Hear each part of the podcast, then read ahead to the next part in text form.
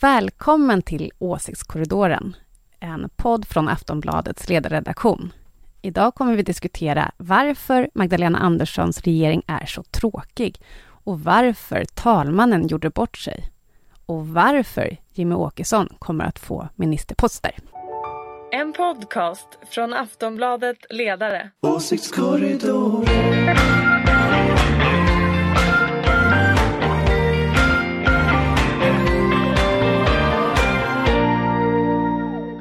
Med mig har jag som vanligt några av landets skarpaste politiska analytiker som jag har fått slita ut ur olika tv-studios för att få till den här podden. Eh, Ulrika Schenström, chef för den gröna och liberala tankesmedjan Fores och som vi brukar säga oberoende moderat. Jajamän, här är jag. Jonna Sima från Aftonbladets oberoende socialdemokratiska ledarsida. Ja, här är jag. Och Anders Lindberg som ju är chef för samma oberoende socialdemokratiska ledarsida. Hej hej! Själv heter jag ju Ingvar Persson och arbetar också som av en tillfällighet på Aftonbladets ledarsida. Idag är jag dock helt opartisk programledare för det här samtalet. Vi börjar direkt. Betyder dagens regeringsförklaring att det är slut på det politiska kaoset nu? Anders? Nej, det politiska kaoset kommer att fortsätta eftersom den här regeringen har lite mindre än 30 procent och eh, ungefär ja, de har 100 riksdagsledamöter av 149, 349 så att, så att eh, man är en rejäl minoritetsregering så att det kommer att fortsätta. Det politiska kaoset fortsätter men med andra medel. Är det din uppfattning också Ulrika?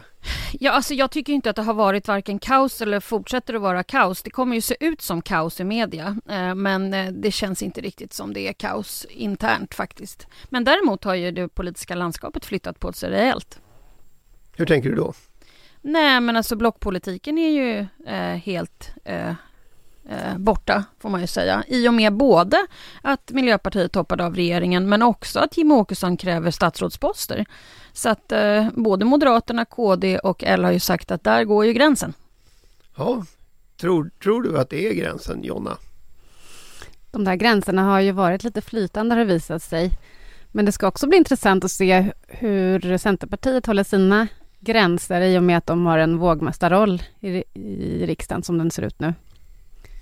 Men det, ja, det är kanske inte det första som Magdalena Andersson tänker på. Nu ska hon ju sjösätta sin nya regering och eh, den var ju, hade en del spännande inslag. Jag måste, jag måste ställa en fråga till Ulrika. Jag, jag noterade ju att Ulf Kristersson talade om den svagaste svenska regeringen sedan Ola Ullsten 1978. Mm.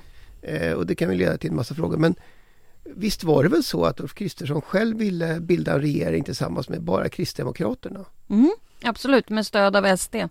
Just det. Men hur många mandat skulle en sån backas upp om man inte tänker på stöd? Nej, men ja, det, det vet inte jag, men jag håller med. Absolut. 90, så att, 92 om jag har räknat rätt. Okej, nej jag har aldrig räknat på det, men det, men det, Det ja. har inte Ulf Kristersson heller, verkar det som. Nej, nej, det är ju ingen som har särskilt många mandat. Nej, Utan det är ju, det kommer ju förhandlas fram efter valet. Mm. Får vi se vem som bildar regering. Vem som får bilda den his- historiskt svagaste efter Magdalena Andersson kanske. Ja, e- eller efter Ola Ullsten. Mm. Han hade 39 mandat. Just det. Men det varade bara ett år. Och det här var nio månader. Ja, men det här är ju en valrörelseregering, så att så är det ju.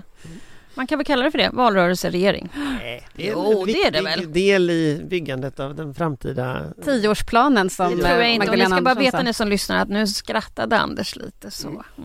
Ulrika, ska vi ta det direkt då, det här med regeringen? En valrörelseregering säger du. Eh, Vi fick ju ministerlistan också och det var ju ett antal nya namn, eh, ganska många gamla namn och sådär. Eh, Hur tänker du då? Nej men ni vet ju att jag har suttit och sagt under sju års tid i den här podden att vi måste ha reformer och jag hade väl hoppats på att det skulle komma några sådana typer av statsråd som faktiskt vet hur man gör. Eh, men det är klart att de kommer väl inte förrän i höst. Det är inte så Eh. mycket som går att göra på nio månader. Nej, man kommer inte kunna göra det utan de här ska väl vara ute och turnera och, och prata och, och ja, en valrörelseregering helt enkelt. Sen kommer de säkert eh, på finansen, alltså med eh, både finansen och, och eh, statsrådsberedningen leverera en reformagenda inför valet. Eh, men den kommer inte kunna genomföras och då går de ju till val på det.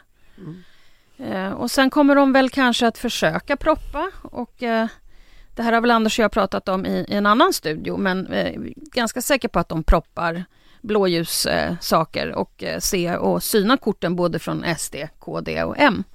Och röstar de inte på det, ja, då blir det ju lite konstigt. Så att, eh, ja, det blir lite, det kommer vara lite spännande att se. Vad, är, vad, vad liksom, tyckte du var den stora nyheten Jonna när det gäller regeringen?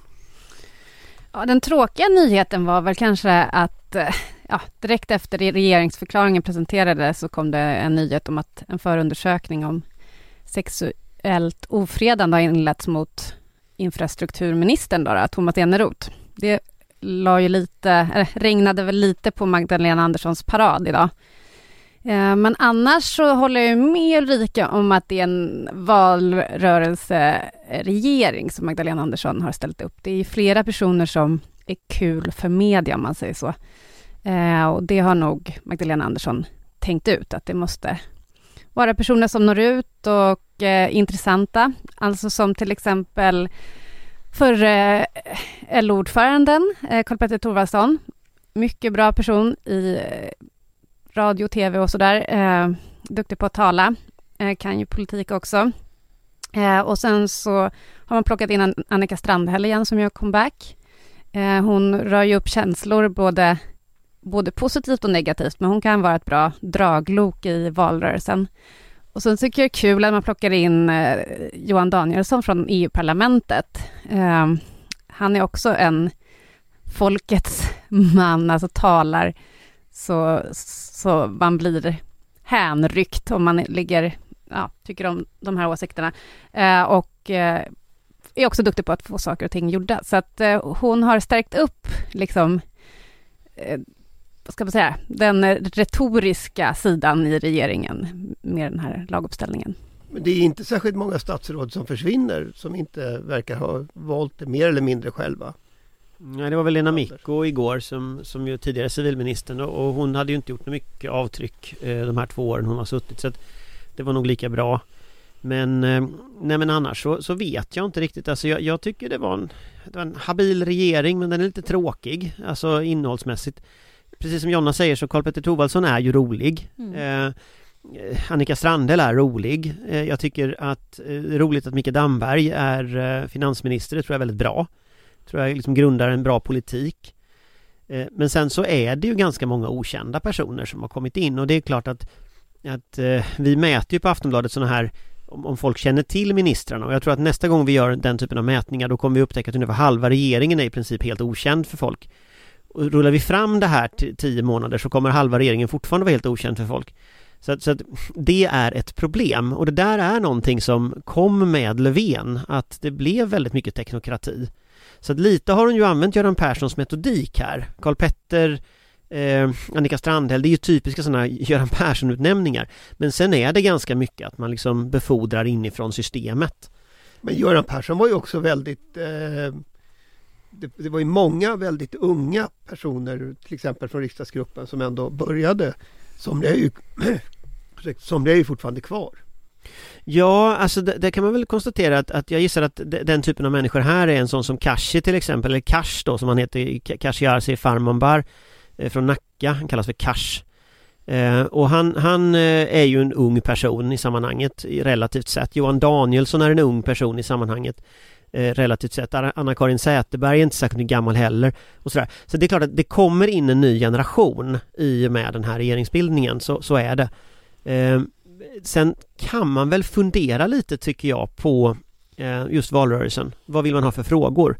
Och då är det ju uppenbart att hon tänker sig att Karl Petter Thorwaldsson ska ta hem jobben Annika Strandhäll ska ta hem miljön och den här duon, den dynamiska duon mellan Morgan Johansson och Anders Ygeman ska ta hem liksom de hårda frågorna. Eh, och då kan man väl konstatera att sossarna går lite åt vänster, sossarna går lite i auktoritär riktning, eh, för jag tror inte vi ska tro något annat om Morgan Johansson och Anders Ygeman och lite framåt i miljöfrågan. Så det blir liksom en väldigt tydlig bild av vad Magdalena Andersson vill. Men Ygeman och Johansson tillsammans, det var ju en succésatsning eh, från början. Ja, fast den skillnaden här det är att det är lite Johansson och Ygeman on the loose. Därför att då hade de Miljöpartiet som någon form av liksom eh, bromsklossar eller rimlighetsmarkörer. Nu har de ingen broms. Eh, Och vad Morgan Johansson och Anders Ygeman tar vägen utan broms det har jag ingen aning om. Men, men det kan nog gå rätt långt i eh, liksom hårda tagriktning, det tror jag. Både mot flyktingar och invandringspolitik och i, i polis och gäng. Alltså, jag tror att alla de frågorna. Det är helt enkelt gänget som ska ta tillbaka lite SD-väljare. Du, du, tänker att det är det som är deras... Jag, jag tänker också att de, de, ska nog också, de ska också, tror jag, bita Moderaterna i hälsenan, tänker jag. Att liksom, de kommer liksom bakifrån Moderaterna, så står Moderaterna och pratar glatt om allting de vill. Och sen så kommer liksom Morgan Johansson och biter i ena hälsenan om invandring, och så kommer, eller eh, om, om brotten, och sen så kommer Anders Ygeman och biter i andra hälsenan om, om invandring, och sen ramlar Moderaterna. Och så har de liksom tänkt ut strategin nu. Att Moderaterna har satsat allt på ett kort. Men vad sossarna kan göra nu utan Miljöpartiet är att de kan bräda det enda kortet Moderaterna har och då har de inget kvar. Tror jag de tänker. Nej, men hon tänker säkert dra i, i välfärdskortet. Det vet vi, det har hon ju sagt. Och hon kommer att köra vinster i välfärd. Är det, är det liksom, och det kommer Kommer det gå att göra politik av det under det här? Det är väl månaden? det. Kolle ska väl också prata vinster och sådär. Det är väl det som han ska göra. Så att ja, nej men det, ja absolut. Han ska prata gröna jobb. Alltså han har ägnat, han har ägnat senaste, sen han slutade som LO-ordförande, han sprungit runt i Norrland och tittat Du tror på... att det är Anna Ekström som kör äh, vinsterna? Jag tror att Anna Ekström i kombination med, med Lina Axelsson Kilbom tror jag icke, icke underskatta en människa som kommer från verkligheten. Hon är ju känd för den här, vad heter de, rektorerna i den här serien. Mm. Alltså inte underskatta en människa som kommer från skolverkligheten som nu ska möta en samling pigga teoretiker från Liberalerna som ska prata skola, som mm. inte kan något om skola. Mm.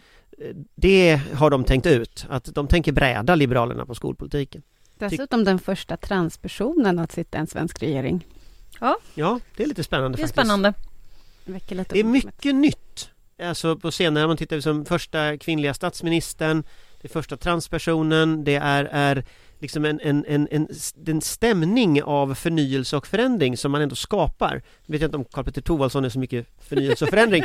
Men det, är Han är alltid förnyelse Det är lite rock'n'roll över det sättet man sätter ihop liksom. Han har inte suttit i en regering i alla fall. Men jag undrar också hur stämningen är. Det är väl alltid många som är besvikna idag och jag tänker kanske framför allt på en sån som Löwenredar som de flesta tänkte var självskriven till kulturministerposten och sen plockar man in Jeanette Gustafsson som så vitt jag vet inte är någon känd figur inom partiet i alla fall. Hon har väl jobbat med mediefrågor. Um, så där tror jag, det är väl lite konstig tillsättning, uh, kan man väl tycka. Men hon ska väl hålla i ja, public service, det var ju någonting som Magdalena Andersson tryckte på i sin regeringsförklaring att man ska ha ett starkt public service. Så hon ska väl ta den frågan mot eh, konservativa blocket. Men, men ni som vet, alltså det John antyder är att det satt en väldig massa personer i socialdemokratiska riksdagsledamöter och, och landstingsråd och kommunalråd och väntade till sent igår kväll och hoppades att telefonen skulle ringa. Mm. Eh, Jimmy Jansson, Jimmy Jansson är det, är det Boel Godner. Jag var helt säker. Mm. Det är klart att det, det, är säkert på det sättet men sen får man nog tänka sig att det här var ju nog inte klart igår kväll utan eh. Magdalena, ja det var nog klart ännu längre. Alltså Magdalena Andersson sa igår att hon Hon har ju funderat sedan hon tillträdde på hur hon vill organisera detta så, så att jag tror ju att, att de personer som var aktuella, de var aktuella ganska tidigt och då blev de utsedda, alltså då, då, då, de visste om det ganska länge men de som och det inte... var väldigt tydligt när man till, men de som inte visste ju också det att de inte var tillfrågade. Men jag tänker på en sån som Laven Redar till exempel, det är lite taskigt när liksom media frågar henne om hon vill bli och hon får liksom i en, jag tror jag kommer inte ihåg om det var DN eller Svenskan, jo, DN. Mm. DN, säga att nej men hon är jättesmickrad av detta men hon har inte fått frågan. Mm. Och det är klart att det blir lite taskigt. Ja men hon har eh. profilerat sig så hårt och hon har gjort mycket bra jobb och gjort allt rätt på många sätt. Är det inte så att många kommer att komma in till slut ifall det är så att man vinner och kan bilda regering i höst så kommer det komma Ja alltså särskilt som när Anders lyfter fram de här, den unga generationen så var det nog inte många som var under 50 eh, som du nämnde. Jo, det är de nog faktiskt. Eh, knappt. Eh, jag tror att det var hon Ida. Eh, jag tror att Ida Kärkiäinen, Johan Danielsson, hon är, Asch och sådär. Hon är född på 80-talet, men annars är det ingen född på 80-talet. Man är faktiskt inte nödvändigtvis 50 för att man inte är född på 80-talet. Nej, nej, nej, men jag menar i, i Löfvens regering var det ju ingen som var född efter 70-talet. Och nu får vi in en på 80-talet, en minister. Eh, och Laven Redar är väl född typ 88, 89, så att hon har väl framtiden för sig.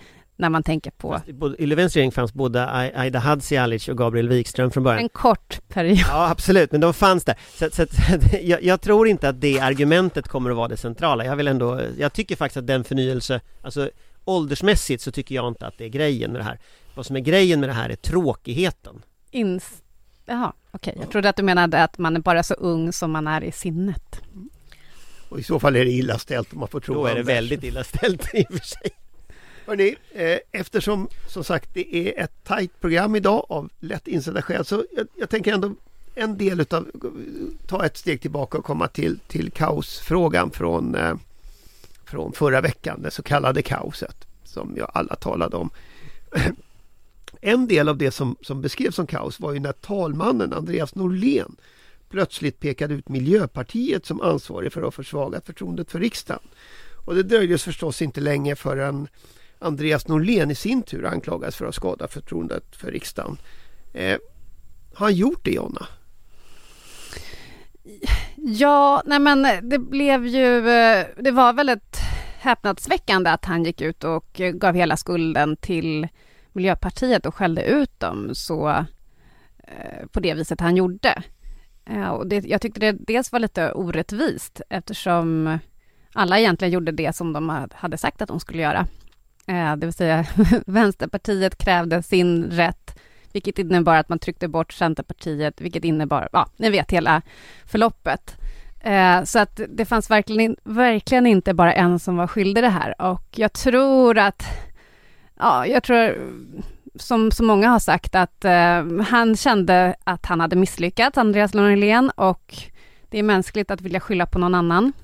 Och då blev Miljöpartiet måltavlan. Men är det en, en svår roll, det här talmansrollen som, som liksom konstitutionen har satt? Alltså jag tycker att Andreas eh, Norlén har gjort det här strålande tidigare men eh, någonstans måste det ha slint på något sätt. Eller liksom så. Eh, för att Miljöpartiet antagligen inte hade sagt till honom att de tänkte hoppa av ifall det skulle bli på ett visst sätt. Och jag menar Annie Lööf hade sagt som det var redan innan. Miljöpartiet har säkert planerat att hoppa av regeringen eh, under en väldigt lång tid. Eh, jag skulle hoppat av en regering om jag vore Miljöpartiet, annars skulle jag ha tappat alla mina väljare. Och Socialdemokraterna var i en win-win situation så att säga. Så att, nej, det borde han kanske inte ha gjort, men han blev väl förbannad. Han var väl bara människa. Ja, jag tror att Miljöpartiet också blev förbannade. Jag tror inte faktiskt att de hade tänkt hoppa av, utan eh, jag tror det var Anders som sa det i SVT-studion där på, på kvällen, att julen trillade av i direktsändning på Miljöpartiet. Alltså, de var ju faktiskt uppenbart chockade över att Centerpartiet inte släppte fram budgeten. Det tyckte inte jag. De gav ju inte direkt krisen ett ansikte. Det var ju väldigt lugnt. De såg väldigt kyliga ut. Hade det varit kris och panik hade de varit lite mer kletiga som om man kom ut från en svår budgetförhandling. Jag tyckte inte du tänker gav... att de inte är proffs? Jag tänker att de är proffs ja. om jag ska vara riktigt ärlig. Uh, så att um, jag skulle nog säga att de har planerat det här länge. Du förutsätter att de... Jag, jag, jag tror på dem. Jag tror att de var faktiskt uppenbart liksom tagna på sängen. Kan, kan det i så fall vara så att man faktiskt inte har haft koll på alla de här förarbetena på regeringsformen? Det får vi väl erkänna eh, på redaktionen här. Att det, det, det jag tror att de har erkänt det. Visste man inte att, att Magdalena Andersson skulle vara tvungen att avgå? Alltså, alltså grejen är den att det där är ju just förarbeten, det är inte lagtext. Så att, vi hade väl lite koll på att det inte var lagtext. Utan eh, om man ska vara ärlig så är ju det här med att statsministern ska avgå ett moderat spinn. Och eh, nu har ju Magdalena Andersson bekräftat det så nu är det inte längre ett moderat spinn utan nu är det verklighet. Men eh, jag tycker nog att det är ganska tveksamt om man tittar på hur grundlagen är formulerad att det egentligen är så att statsministern hade behövt avgå. Eh, därför att möjligheten för ett misstroendevotum finns i grundlagen. Och det där är, så det där, men nu är det ju så, nu är den nya praxisen etablerad, men det är, det är en konstig praxis.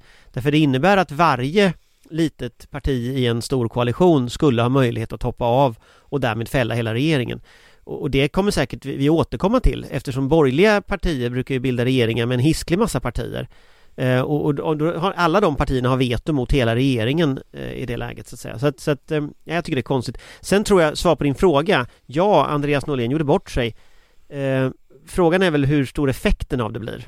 Eh, jag tänker mig att de flesta eh, tänker att ja, men vi, vi, vi, vi struntar i det här, vi låter det vara. Det var en sån rörig situation, nu finns det en ny regering det kommer att försvinna. Det finns ett undantag mot det om Moderaterna fortsätter tjata om det, för det var ju så att Billström gick genast igång och sa vem visste vad, när, bla bla bla, alltså hela det här spinnet. Då kommer naturligtvis frågan att vändas om Andreas Norléns roll. Men om liksom det här spinnet slutar, då tror jag liksom, då kommer allt självdö av brist på intresse. Ja, alltså... Det finns en regering, man behöver inte prata mer om det här. Nej men jag tror det var, det var liksom regeringsbildningen som var i sju och en halv timme, det är tillräckligt pinsamt som det är. Och sen var det ju så dumt att lägga budgetomröstningen, eller den var ju fastställd sedan länge, men att lägga statsministeromröstningen före budgetomröstningen, eh, det kunde man ju gjort efteråt. Så att vi inte, då hade vi sluppit det här.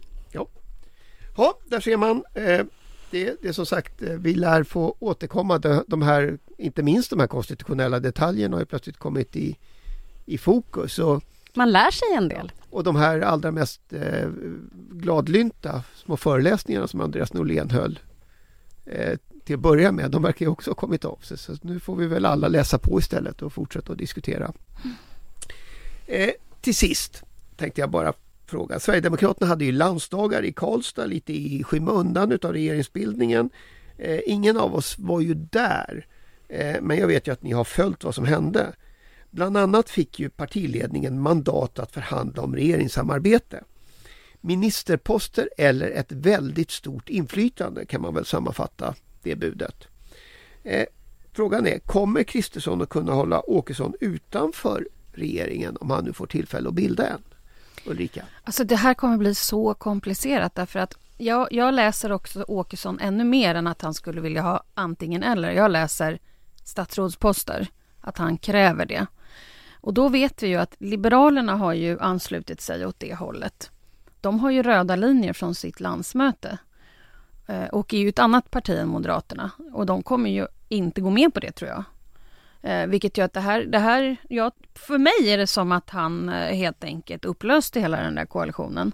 Därför att om de nu har sagt att de inte ska ha statsråd som är från SD, ja, det blir jävligt svårt att ändra sig på det. Men som ni har noterat tidigare så har de ju ändrat sig flera gånger. Eh, men jag tror Liberalerna kommer ha väldigt svårt att ändra sig i just den frågan. Men tror du att det finns några liberaler i riksdagen efter nästa val? Ja, framför allt kommer det inte finnas några ifall de skulle gå med på att låta SD få några ministerposter. Så att jag tror att i deras fall så handlar det nog om överlevnad. Att, eh, att motarbeta detta och att säga nej till det. Så att det tror jag. Donna? Ja, alltså jag tror att inte ens det är en fråga för Jimmy Åkesson. Han tänker nog att de inte kommer komma in. Um, men... Um, du tänker Liberalerna, alltså, ja, om, jag tror inte han tänker på dem. Eh, men eh, nej, det blir väldigt svårt med tanke på, ja, vi får väl se vad resultatet blir, men om man, man är ju i princip jämnstora med Moderaterna och om Jimmie Åkesson gör de här utfästelserna redan nu, så kommer det bli svårt, ja det blir ju ingen regering utan SD, så att de har ju rätt starkt mandat.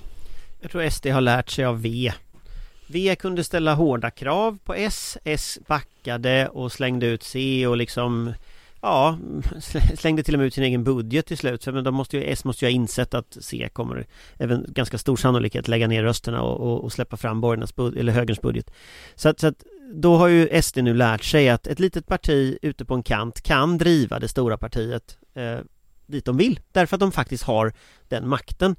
Att de då skulle visa sig svagare än Vänsterpartiet som är dubbelt så stort. När de är dubbelt så stora och eh, Moderaterna dessutom eh, liksom helt uppenbart inte säger emot någonting de säger. Det tror jag inte ett ögonblick på.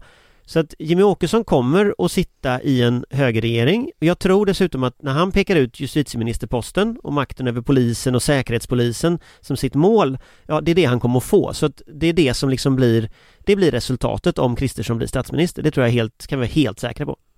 Ulrika får det som kommer ja, att bli ja, sista ordet. Ja, och jag vill bara lägga till för protokollet att det här med budget, högerns budget, det är alltså 20 miljarder av 1200 miljarder. Jag tycker också det där är budget, konstigt. Kan vi försöka kalla en spade för en spade? Kära lyssnare, det är alltså en Tack. reservation i, ur, i finansutskottet. Det är väldigt viktigt. Det är inte en högerbudget. Det är 20 miljarder av 1200 miljarder. Det är väl 10 Punkt. miljarder till och med?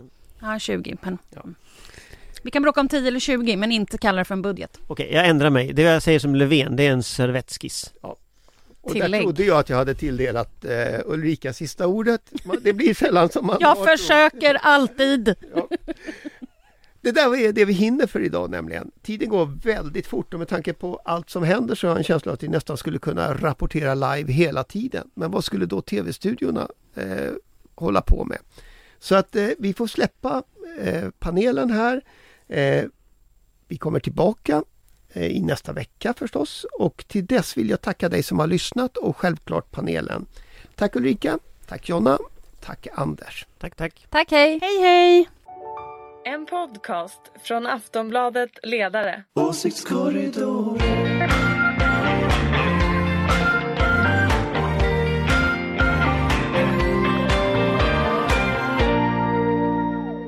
Du har lyssnat på en podcast från Aftonbladet. Ansvarig utgivare är Lena K Samuelsson.